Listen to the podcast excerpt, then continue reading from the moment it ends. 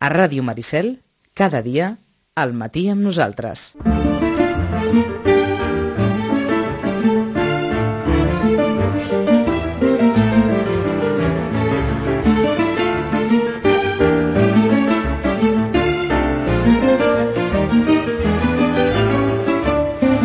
Onze i setze.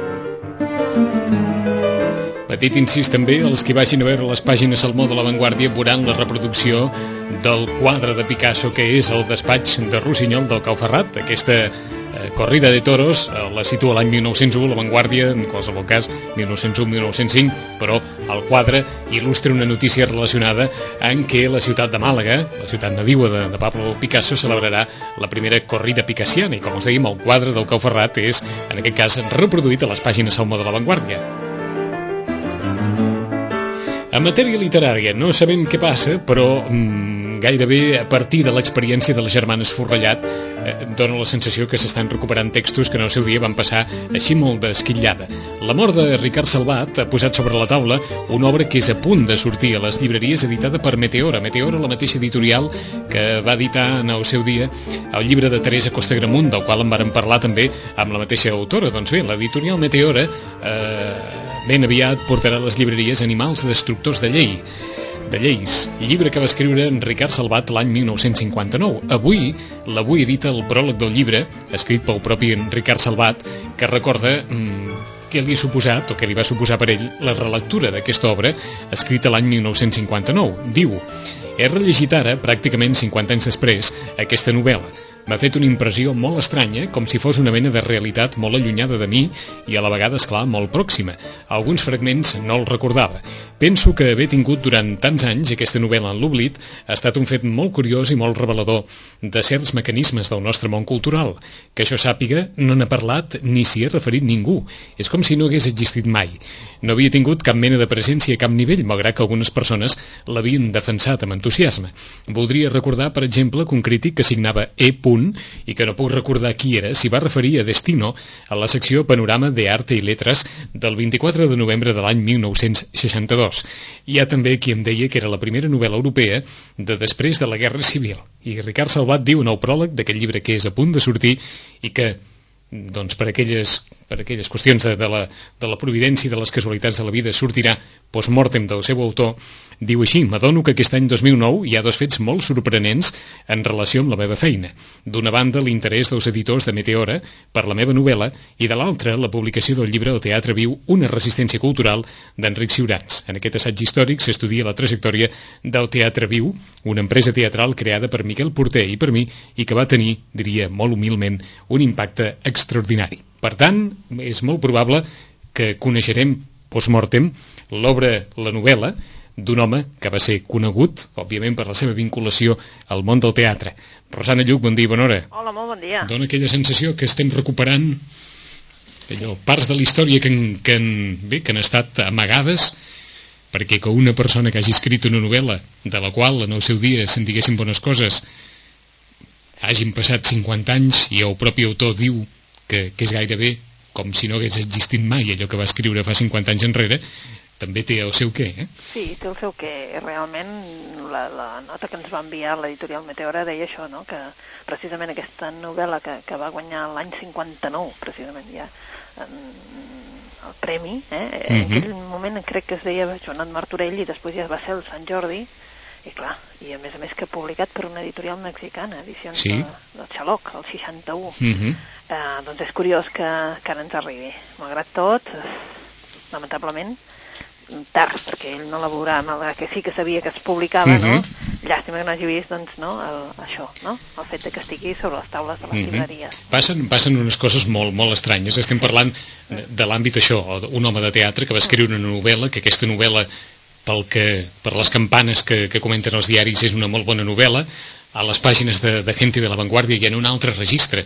Sortiran publicades, i, i segons sembla, perquè la Filmoteca d'Albacete eh, així ho ha decidit, les memòries, l'autobiografia de Pep Isbert, del gran actor Pep Isbert, que en el seu dia va escriure com a testament les seves vivències com a actor i en l'Espanya que vivia, i el llibre va ser veritablement raconat, va tenir una, una trajectòria gairebé imperceptible, i ara, bé, resulta que, que apareix un llibre que en el seu dia va signar el que, el que va ser considerat un dels grans actors del cinema espanyol de, de tots els temps i que havia deixat allò un testament literari, com a mínim de memòries personals, del qual no se'n sabia res fins que ara algú ha tingut doncs allò, l'humor i la convicció de, de despertar-lo. O sigui que Sí, Vaja, passen coses curioses. Passen coses molt curioses i, i en aquests, de, ja, ja el que dèiem, des de la, la germana Esforrellat, mm.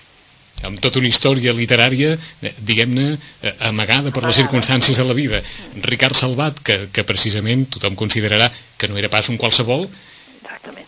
perquè, esclar, les germanes Forrellat sí que podien dir que treballaven a la fàbrica, però Ricard Salvat ja era una persona amb una, amb una trajectòria i que d'alguna manera... Molt conegut, a més a més. Reconegut a tot arreu, no? El el Festival de Teatre. El Festival Internacional de Teatre durant una pila d'anys, mm -hmm. que dius, home, eh, una persona molt coneguda, a més a mm -hmm. va rebre Creu de Sant Jordi, Jordi, Premi Nacional de Teatre, vull dir, ho té mm -hmm. tot, vull dir, té un munt de medalles, reconeixements, no?, de, sí, sí. o sigui premis, que, i premis que... i premis, i, i, i realment, doncs, la seva obra, doncs, mm -hmm inexistent a, a, a les llibreries. Sí, no? O sigui que, que és probable que algú vegi aquest mm. Sant Jordi l'excusa perfecta per saber com escrivia Ricard Salvat. Sí, no? Vull dir, és, és eh, com a mínim, un és que... eh, pot picar la curiositat també sí, sí. un. Eh? Fa, fa quatre dies en parlàvem d'aquesta editorial Meteora, d'aquesta sí, editorial petita, sí, i del paper que estan fent les editorials petites, no? Sí, el paper que estan fent, sí s'ha de reconèixer que ells tenen una altra trajectòria, no? Vull dir que no en publiquen tants, poden estar molt més pels seus llibres, en el sentit de, de fer-ne difusió, uh mhm. -huh. no? Vull dir, intentar que el lector hi arribi, intentar que els llibres també sapiguem què tenim a les mans, no? Una mica, sí, la veritat és que, bueno, ja n'hem parlat tu i jo moltes sí. vegades d'aquest paper uh -huh. tan mhm. important que tenen ara aquestes petites editorials, sobretot en el panorama literari català. Tot i, tot i que ens permetien preguntar-te, el que passa és que, esclar, estem parlant sí. amb una, amb una llibretera, sí. però és més fàcil ara evitar que, que fa anys enrere, sí. des del punt de vista de costos, sí. De costos, sí. sí. De costos, sí. Molt més. Per això, per això s'editen tants llibres, eh? D'acord. Per això s'editen tants mm -hmm. llibres, eh? Ho dic perquè, si d'alguna forma, eh, aquestes editorials petites que aposten per allò per als autors seleccionats, per allò que creuen que pot ser editable i que pot tenir un mercat, ho poden fer sense pensar massa en què... El que passa que, clar, costa diners, tot costa mhm, diners. Mm -hmm, eh? És evident, és evident. I ells, a més a més, estan... Perquè si ho fa un autor, diguéssim, sí que l'autor es pot autoeditar l'obra, etc etc. Eh, l'únic és que, és clar, després no té distribució, diguéssim, o no té una distribució fàcil. Eh? Uh -huh. uh, ells, les editorials petites, ho tenen difícil en el sentit de competir amb les grans, perquè, clar, la maquinària de, de tot, eh? de promoció, de màrqueting, absolutament de tot és molt més potent, en el sentit que, clar, uh -huh. hi ha més diners darrere, no? I no importa tant pues, si no funciona aquest títol, funcionarà l'altre. Clar, els editors petits han de tenir molt en compte que no, no es poden equivocar tant. Eh? Mm. I la veritat és que sí que costa menys diners, mm, però, és clar també és veritat que com que es publica tant, eh, costa més fer-se un foradet en el mercat. Mm -hmm. eh? Que això també és difícil, eh? D'acord. I, I, per, i per tant... ho està intentant, la mm -hmm. veritat és que sí, ho està fent bé. D'acord. Les llibreries mm, no sempre, per tant, arriben aquestes iniciatives de, de diguem-ne, de públic més, eh, més pensat o de, o de o de part de mercat el més... Que, que, com que arriba tot, vull dir, mm. i de si ja és tan difícil en el sentit de que necessites molt de temps per, clar, per mirar-t'ho, per no sé què, per tenir informació més enllà del que és el llibre, no? O fins i tot per tenir el temps suficient per mirar-te el llibre, hm? Saber quin públic aniria destinat i, bueno, i després mm -hmm. que, que clar, fer-ho arribar amb el públic ja com a mínim és més difícil, no? Perquè, esclar, si no tenen cap notícia, sempre hem prestat les taules, si no entren a les llibreries tampoc no ho veuran, mm. saps? Vull dir, és, Vaja, que, que l'ideal és sortir els diaris. Sí, sí, sí, la veritat, sortir els diaris, eh, el boca-orella, no? Mhm. Mm -hmm. En definitiva, pensem que en molts dels llibres que, que estan així com els més venuts són boca-orella, eh? Per exemple? O han començat, fixa't que, per exemple, els homes que no estimaven les dones uh mhm. -huh. va ser un tema de bocorella al començament. Eh, en recordo la sombra de viento, per exemple. Sí, el nen del, el nen del pijama de ratlles, el també? El nen del pijama de ratlles, no? fins i tot mm. el Código da Vinci, era allò de veure la gent i la gent deia, tu, llegeix això que està molt bé, no? Molts són boca orella, el que passa que, clar, això no vol dir que no hi hagi darrere, no?, doncs, potenciar, perquè, és clar si ja comencen a sortir les llistes, vol dir que, mm -hmm. que els diaris també se'n fan ressò, um, saps? El fenomen Larson ha sortit a tot arreu, el fenomen Larson, i llavors el fenomen Millennium, i és clar, eh, arriba un moment que encara no vulguis tan enteres, no? D'acord, però sembla mentida com eh, en, en ple segle XXI, això del boca-orella, que és tan antic com la història de la humanitat, funciona encara, eh? Sí, sí. Mm. O almenys, en, o almenys en el món dels llibres. Sí, però fixa't que a vegades no, la informació no, ens arriba per tants canals sí. que al final tu destries i dius, a veure, què diu, què, què diu que li ha agradat amb aquest? doncs, I de vegades aquí a la llibreria molts lectors ho fan, vull dir, se n'enfien del que li està dient un altre lector, que mm -hmm. està per allà i diu, eh, escolta, a mi m'ha agradat molt, això no vol dir que tu... Però a mi m'ha agradat molt, per això, per això. I llavors, clar, dius, home, doncs si a aquell li ha agradat, potser no, a mi potser també, a mi no? també m'agrada, no? Eh? Sí. Eh? O sigui que a vegades un, un lector és un millor difusor Sí de, de l'obra en si, eh? Moltes vegades Com? sí, no? Vull dir, igual que, no?, quan proves una cosa i t'agrada molt, mm -hmm. vols compartir-ho, no? I llavors dius, escolta, és igual, eh? Tant si és una cosa en la que hi intervé el tas, com, a, no sé, un pastís, un, no? Mm -hmm. Un lloc, un restaurant, un bar... Vols compartir amb altres? Doncs igual, jo crec que sí. D'acord, ara no sé si a partir d'això, i els comentàvem que l'avui presenta el, el pròleg del llibre de Ricard Salvà, no sé si ha arribat a, a orelles de la Rosana Lluc aquesta iniciativa de Google, on apareixen reproduïdes eh, pàgines, capítols concrets de llibres editats arreu del món entre els quals hi ha també llibres, llibres catalans. No tot el llibre, per una qüestió de drets d'autor, per un cert acord amb editorials perquè un pugui posar un nom del llibre i li aparegui doncs, un fragment del llibre per, eh, diguem per, per ser llegit així, així obertament. En sabies alguna cosa? No. no Sabia de la, de, del tema intenció. de fer-ho de, de fer tot el llibre i del litigi que hi ha els editors amb, ah, entesos, amb Google, eh? entesos. Perquè, clar, eh, eh, primer van tirar pel dret i ho van fer així, no? I això és el que teníem entès, eh? Sí, ho van tirar, que van tirar pel tirat, dret, havien... tirar pel dret i els hi sortia més a compte, no? Pagar després uh -huh. Que no anar demanant. És a dir, pagar qualsevol sanció Exacte. que no pas... No, anar demanant. I aquí hi havia aquí hi ha hagut eh, reunions i reunions d'editors dient a veure què es fa, eh? Perquè, és clar, és un tema de mm, mm. de passar absolutament, de saltar totes les barreres i fer exactament el que tu vols i, i després demanar excuses, que això aquest, tampoc no és. Eh? Aquest, aquest, però, és un tema de, que, que més o menys planteja això una, no sé si dir una, una solució de futur o una, o una perspectiva de futur fins ara no sé si massa contemplada no. que algú vagi a una pàgina d'internet cliqui el nom d'un llibre i li aparegui o, o part o tot o alguns capítols d'aquest llibre com es pot fer ara amb diferents portals de música jo, jo, jo un capítol estaria d'acord. D'acord. El que passa és que, esclar, això no dona que no dongui pas a que, clar, quin capítol posa, no sigui, saps? jo diria fins i tot, perquè moltes vegades hem dit amb l'editor, igual que nosaltres els diem, escolteu, feu un punt, perquè ja m'he cansat de tot, sí, ara ja passo, eh? vull dir, ara ja he decidit que ja no els dic res més, Mm. però que de vegades, tu moltes vegades, com que no saps què i tal, en el, un, un punt de llibre que hi posin doncs, una frase, un trosset del llibre, que, Mm. hagi, que, que tu pensis que crida l'atenció amb l'altre. És la manera de- d'enganxar amb un lector, Mhm. perquè a mi m'enganxen i jo crec que amb tots, no? Una frase, un... Mhm. T'ho algú preguntava, veus- mm -hmm, t'ho preguntava precisament per això, no? Perquè els lectors, com els llibreters, Mm. teniu molt poques possibilitats, de, diguem-ne, d'intuir el tarannà d'un llibre, Sí. així a, a, primer cop d'ull. En canvi, amb, amb, amb, no ho sé, hi ha algunes experiències ja també a través de la xarxa d'això, amb, amb un capítol, amb, amb part d'un capítol, amb alguna cosa d'aquestes, com a mínim, un sembla o té la sensació que compra més segur, no? Sí, perquè a més a més, de fet, hem, hem- hem de dir-ho, eh, tenim moltes editorials, això que et deia, no? la maquinària aquesta de màrqueting, etc, fan el que se n'hi diu uns samplers, uns, uns llibrets, no?, Sí. de primer capítol, mm? Això quan tenen un, saps, un èxit que ells pensen que és un llibre que atraurà a un ampli sector de lectors, etc, doncs fan un primer capítol, no?, Mm, amb un llibret petitet, com si fos una llibreta, Sí. i llavors això es regala D'acord. abans de que surti el llibre. D'acord, és a dir, és un llibre que teniu o un sampler que teniu a les llibreries i que s'obsequia. Exacte, això quan passa? Doncs, no sé, doncs, uh, quan l'editor decideix que amb aquell hi vol apostar i que ha fet una tirada molt llarga d'aquest llibre Mhm. i que, en definitiva, doncs, tampoc no és conegut a l'autor tant com per dir, escolta, ja estigui justificada la tirada, però l'editor hi creu i diu, no, eh, vinga, doncs, maquinària, no? Mhm. Clar, si tu el tens abans i l'agafes de la llibreria i te'l llegeixes i crida l'atenció, dius, eh, jo vull això. Jo vull això. Acostuma, tant- acostuma a funcionar això, Rosana? Molt, sí, sí, molt. sí eh? molt, perquè, clar, et, et pica la curiositat. Si no, és que aquell llibre a tu no t'interessava i, i, i s'ha acabat, no, no, no hi fem res més, no? Però sí que la veritat és que quan tu llegeixes una cosa i et crida l'atenció, tu vols més, no? Allò, el típic, vols més, i llavors Mhm. vens a buscar el llibre, i molta gent li funciona, Ho sí. dic que ja no fer-ho això per, per Sant Jordi amb tots els llibres, però segurament seria molt bo per lectors i per, i per llibreters que a part dels suplements dels diaris on hi ha el, el, el resum, resum, resum de, de l'obra, doncs algú tingués l'oportunitat, no ho sé, de llegir algun fragment d'algun llibre d'un autor important i, i saber si es decanta per un o es decanta per un Ah, altre, no? Sí, mm, sí. Mm.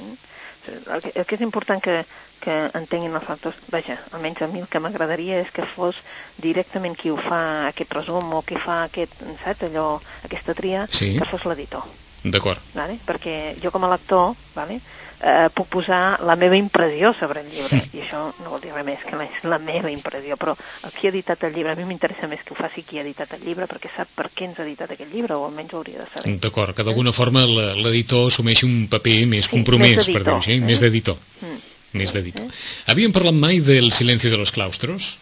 Uh, no, és la gran obra, em sembla que encara no n'havíem parlat, uh, la gran obra de l'Alicia Jiménez Barlet. Mm, eh? perquè s'ha ficat en el número 4 de la llista de venda de ficció en, en castellà, així directament, i els diaris també en parlen, El silencio de los claustros diu eh, Petra Delicado investiga el asesinato de un monje restaurador de reliquias.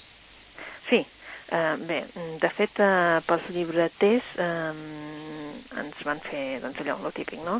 L'Alicia Jiménez Barlet, una autora que la tenim molt propera, uh, tothom coneix a la seva Petra Delicado, no? Mhm. La seva, mm, que és una personatge, diguéssim, que ja és conegut perquè fins i tot doncs, va sortir una sèrie de televisió, etc. I ara, doncs, aquesta Petra Delicado i el seu increïble ajudant, el Fermín, Fermín Garzón, eh, doncs eh, tenen una altra aventura. Quina és la diferència? Doncs, bueno, que, ens, que se'n- se'ns en van cap a Poblet, no? Un frare del monestir de Poblet, que és expert en art, eh, eh, apareix assassinat. Ell treballava a la restauració d'un cos incorrupte, un cos que estava que l'exhibien a la capella d'un convent de monges de Barcelona. Eh? Bé, mm, el cos, aquest eh, cos incorrupte ha desaparegut i la inspectora Petra Delicado i, evidentment, i el Fermín, doncs, bueno, estan primer desconcertats, perquè no entenen que hagi desaparegut. I el que sembla obra d'un fanàtic religiós, doncs ara el que passa és que s'han de documentar amb documents històrics, s'han d'entrar en terrenys que amb ells la veritat és que fins ara no se'ls havia ocorregut doncs, entrar-hi. Um, clar, llavors tenim dos, eh, se n'anem a dos temes que ells veuen que, que estan relacionats. Un és la setmana tràgica, eh? Doncs, amb tota aquella, no? tota aquella ira desfermada contra Mhm. l'Església i després també la trajectòria d'una família benefactora del convent. Bé, ells van de sorpresa en sorpresa. Mm? Al final és evident que la Petra Delicado i el seu ajudant hauran de resoldre el cas, eh? però esclar, estan en un terreny que ells eh, no, no coneixen i a més a més, clar, mm, moltes vegades eh, és allò que els hi queda la sensació de que no sabem el que passa molt a prop nostre. Eh? Mm, la veritat és que l'Alicia Jiménez Barla, eh, tots els lectors que, que ja l'han llegida, que han aparegut per la llibreria, ens diuen que mm, els hi ha agradat molt. Mm. Que, és un llibre, que és un llibre de Sant Jordi. Sí, un d'ells, un d'ells, perquè la eh? veritat jo crec que, bueno, un, un d'ells per a tots aquells que doncs, també els agrada la novel·la Satashi de, de policiaca, Mhm. eh, novel·la també així amb una mica d'intriga, i a més a més, clar, eh, Amb escenari. sí, un escenari que ens és molt proper. D'acord, ho dic perquè és que, esclar, hem anat des de la catedral de Vitoria a Santa Maria del Mar i de Santa Maria del Mar a Poblet, Sí, i això eh, amb, amb, amb 3 anys, eh? O Sí, sigui que... però clar, és que aquest ens és proper, no? A veure, no ho dubtem, eh? Per nombre d'exemplars segurament eh, el senyor Larson en farà més, eh? Mhm. També ho pensem, això.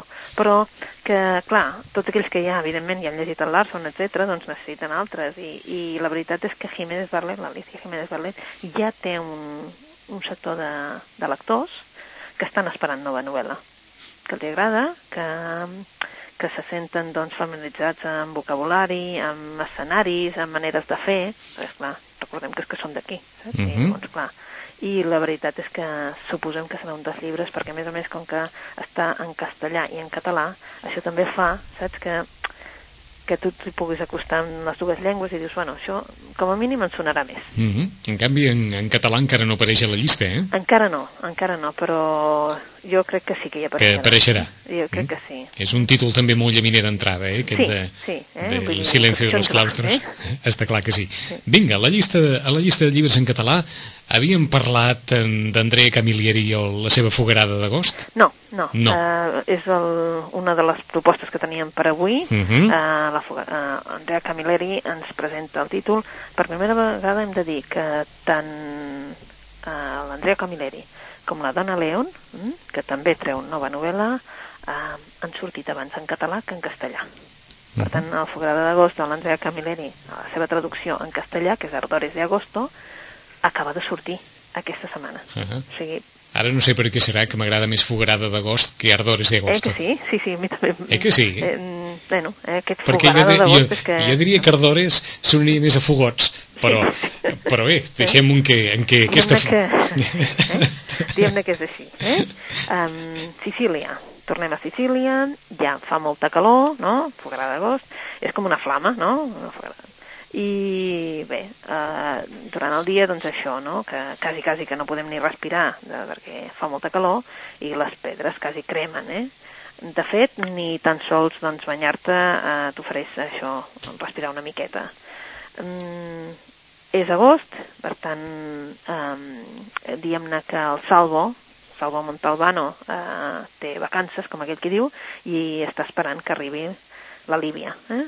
Ella ve amb uns amics a passar les vacances en, en una caseta davant del mar, però bé, tot aquest plan mm, es desgavella. Es desgavella perquè en els sòtans de la casa hi apareix un bagul amb un, amb un cadàver dintre. Eh? Aquest, eh, clar, llavors eh, els instintes investigadors del comissari doncs ja ho escabellen tot perquè, és clar ja no, ja no es troba com en vacances, sinó uh mhm. -huh. que molt aviat, evidentment, doncs es troba doncs, embolicat amb una maranya criminal que té eh, involucrats a polítics, banquers, empresaris, bé, la màfia, mm? tota la màfia allà. Mm? I com que el foc de l'agost no és suficient eh, per, per fer els estralls en el comportament dels personatges, tenim eh, una noia, una noia d'uns 20 anys, diguéssim, que fins i tot eh, farà doncs, trontollar una mica eh, el, el mateix Montalbano, eh, fins al punt de tentar-lo a donar aquest pas transcendental que havia evitat fins a aquest moment. Eh. Bé, és una altra aventura del Salvo Montalbano, eh, eh, una altra vegada ell doncs, és aquell personatge eh, vital, eh, melancòlic, eh, bé, ell se'ns va acostant a la, a la nostra ànima, però d'una manera molt clara. Se'ns està fent gran, però la veritat és que ho està encertant. Mm -hmm. Fogarada d'agost, André Camilleri, de moment editada en català i ben aviat en castellà. Sí. I aprofitant la, la vinentesa, el de Dona Leon, quin és? El de Dona Leon. El de Dona Leon és l'altra cara de la veritat. Mm? Uh, bé, venen vacances de Setmana Santa per aquells que les tinguin i els que no, doncs ens quedem aquí i se n'anem cap a Venècia, una altra vegada. Uh, se n'anem cap a Venècia amb aquesta, no?, amb el comissari Brunetti, aquesta vegada no, no el Salvo Montalbano, sinó amb el Brunetti, se n'anem cap a Venècia uh, amb un sopar amb la Franca Marinelli, que és una dona d'aquelles mm, guapes, elegants, um, uh, bé, que fins i tot el, el Brunetti queda fascinat, perquè, a més a més, de que, bueno, vesteix roba cara, mm, ja se li veu que s'ha fet un lifting facial, és rossa, però a l'hora que la veu molt superficial, uh -huh. per mhm. tots aquests elements, resulta que té una passió pel Virgili, pel Ciceró, és clar, això amb el Brunetti el descol·loca. Eh? Pocs dies després es troba que responsable dels Carabineri fa una visita a Brunetti i perquè vol obtenir informació sobre la mort del propietari d'una companyia de camions. Eh? Pel que sembla, aquesta companyia pot estar relacionada amb el transport il·legal de residus i amb la ecomàfia. Eh? Bé, què passa? Doncs que el comissari acaba descobrint que aquesta Franco Marinelli, que l'havia enlluernat, ha mantingut contactes amb el principal sospitós, que és un home amb un sinistre mm, amb un passat no més sinistre, sinó molt més que sinistre, eh? però la veritat, evidentment, sempre té dos costats i un d'ells és una mica obscur en aquest cas. La Dona León ens torna a portar pels carrers de Venècia, per les olors de Venècia, per una Venècia inundada de vida, però alhora doncs, amb aquest eh, d'això, amb aquest component que sempre hi ha un mort pel mig. Eh? Mm -hmm. Bé, eh, si teniu ganes, doncs, això, de passar-ho bé en una estona, doncs tenim aquesta, l'altra cara de veritat de la dona León. Eh, eh, ara farem una mica de broma. Portem tres morts ja, eh, Rosana? Sí, sí, sí. No, un, monjo, que... un monjo de poblet, sí. un home dins d'un bagul, un cadàver dins un bagul eh? a Sicília, i, i, i, i ara... Aquesta, vull dir que a més a més, vull dir, clar, despampanant, vale? que et descol·loca, que no sé què, i després resulta doncs, que, doncs que sí. Mm? Vinga, com ho podem compensar, això? A veure. Això, doncs no sé si compensar-ho amb el amb el Carles Casajoana. Vinga. Amb l'últim home que parlava català. Mm -hmm. Que és el Premi Ramon Llull d'aquest any. Eh? És una de les obres també, eh, no sé si sortaran les llistes dels més venuts, però no. Eh, una obra que s'està fent al seu lloc. Eh? el Carles Casajoana ja és un home que ja ha publicat, eh, abans publicava Quadres Crema, la veritat és que en té vàries eh, de publicades, eh? Um, sí, està en, en, el número, en el número 4 està, Rosana. Sí? T'he dit que no, sí, sí, està en el número 4 doncs, dels llibres més venuts en català. Doncs eh, és un home que en aquest moment viu a Londres, però ens posa aquesta novel·la que té aquest títol, no? Uh, jo diria que fins i tot l'últim home que parlava català, uh -huh. i llavors ja ah, se'ns puja tot, no? Bé, i què passaria si mai desaparegués el català? Com, com seria aquest últim home que, que parlés aquesta llengua tan estranya, no? Un dels protagonistes d'aquesta novel·la, l'escriptor Miquel Rovira, mmm, dedica tota aquesta capacitat creativa que té ell a respondre a aquesta pregunta. Rovira imagina una Catalunya en què el català ha desaparegut. Llavors, el que fa és investigar-ne les causes. Mm, en definitiva, com ho fa? Pues com si fos una novel·la policiaca, no va desgranant a veure que hi ha una víctima, Eh? Ara sí que tenim una víctima però que no té cos. És un, el català. Eh? Sí. Hi ha un investigador, que és un professor nord-americà que vol aclarir les raons de per què ha desaparegut aquesta llengua, i un testimoni, l'últim home que parla català. Mm? Ramon Balaguer, eh, l'altre protagonista, també és escriptor i no se'n vol anar del pis on viu abans d'acabar la novel·la que està escrivint. Eh? Clar, el propietari de l'edifici, de la resta de l'edifici, li fa la vida impossible perquè vol que vengui el pis i se'n vagi d'una vegada, que ell no necessita, evidentment, ja ho sabem, eh? per aquesta d'això falera immobiliària que mm -hmm. té tothom. Eh? Mm -hmm. Balaguer renuncia a molts diners i comoditats per la seva obra, però en realitat eh, el que es planteja la... És, té sentit aquest sacrifici. Eh? Um, perquè està escrivint, bé. està escrivint un llibre en català? Sí, eh? Ah. eh? Vale. Esclar. Escrivint, eh? I l'últim home que parlava català doncs, narra doncs, aquest cas de, de setge, de moving immobiliari, que en ser la víctima un escriptor es converteix en un setge a més a més, a la, a la llengua. Mm -hmm. I a la llengua, llengua. precisament, no? Eh, és una història sobre la vida que fan dos novel·listes catalans, un que escriu en castellà i l'altre que escriu en català. Uf. I que defensen l'opció que han triat, en definitiva.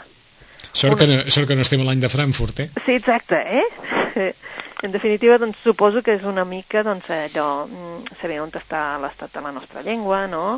Um, parlar una mica sobre la nostra identitat, uh, reflexionar sobre el fet del bilingüisme.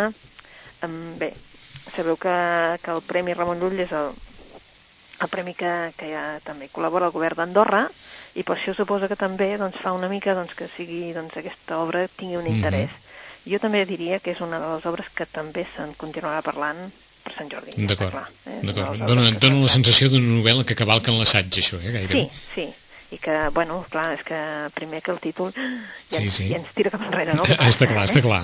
L'últim home que parlava català. Eh? Uh, no, tenim, tenim temps per una més, Rosana, una assenyalant més, també que els devots d'Espinàs tenen a peu per Múrcia, per sí. exemple, que ha entrat també a la llista dels llibres més venuts i, i com que sabem que Espinàs sempre genera fidels i ja els té de fa molts anys, doncs està clar que ho, que ho sàpiguen i que aquest membaig de Pepe Rubianes ara també s'ha ficat a la llista eh, per raons òbvies de, dels sí, llibres més venuts. Òbvies, aquest, uh -huh. Per raons òbvies i a més a més quasi, quasi un, un llibre oblidat, eh? Però mira, l'hem rescatat, eh? Sí. El, anava a dir, el que, fa, el que fan les circumstàncies, eh? Sí, sí. Però bé. Malauradament mm -hmm. ha hagut de mhm. ser pues, això, com sempre. Eh? Sí, sí, està clar. Bé, doncs, eh, com que ara estem també en un moment en què surten tots els autors en català, no?, de cara a Sant Jordi, doncs també ha sortit una altra autora, una autora que se'ns acosta amb una realitat diguem-ne, propera perquè és, perquè és Barcelona, però en definitiva és història. Eh? És una autora que ja havia publicat eh, Intrigues de Palau, eh, després el Monisteri Poscrit, i ara ens apareix a Barcino, Barcino, de Maria Carme Roca, eh? També serà una de les novel·les que l'editorial Columna aposta perquè fa una gran... bé, també una gran... Promoció? Sí, promoció, màrqueting, de cara als llibretes també realment explicar la novel·la, etc. Eh? I diu, Barcino, tots els herois amaguen un secret, eh? i és un carrer allà. Eh? Ens situa, evidentment, a Barcino, eh? al segle II, eh? al segle II, i la fama mm, d'un home que traspassa totes les fronteres de l'època, que és el Luci Minici Natal Quadroni Ver, que és el fill d'una il·lustre família de la colònia. És un home, doncs això, militar, un polític brillant, un home mm, que guanya l'any 129 aquella cursa de quadrigues, um, és un home d'un gran atractiu, en definitiva. Eh? Però, és clar, sobre aquest heroi de Barcelona, de Barcino, vaja, en, hi plana una ombra que ni l'èxit professional, ni l'amistat, ni l'amor que sent per la Quirene, ni l'estima per la seva dona, la Fausta, poden esborrar les petjades d'un esclau, un esclau que va marcar la seva infantesa i que sembla amagar-se rere cada traïció i assassinat. Estem parlant de Teseu. Eh? És una obra, una obra saps, d'aquelles carregades d'acció, mhm. d'emocions, eh, que ens porten a l'apassionant Barcelona romana, i tu diries, bueno, i què queda? Doncs pues sí, hi ha una part de Barcelona que és romana, la veritat, i que descobrirà els, els secrets més íntims d'uns personatges que van portar doncs, molt d'orgull el nom de la seva ciutat per tot el món. Mm? Barcino, tots els herois amaguen un secret de Maria Carme Roca, un altre dels llibres que molt probablement serà un dels llibres comentats per Sant Jordi. Hem repassat avui no només aquest, sinó també l'últim home que parlava català de Carles Casajoana, l'altra cara de la veritat, en aquest cas de Donna Leon, Fogarada d'agost, d'Andrea Camilleri i El silencio de los claustros, el llibre d'Alicia Jiménez Barlet, que és a punt també de sortir en, en català. Alguns d'ells molt, molt avasats avui amb històries d'investigació en diferents etapes històriques històriques i en diferents eh, localitzacions. En 15 dies tornarem a saludar la Rosana fent ja el compte enrere, que d'un mes per Sant Jordi, o sigui que eh, està clar que cada dia en comentarem més o ens tocarà comentar-nos més. Rosana, fins aquí 15 dies. Fins aquí 15 dies. Molt bona lectura.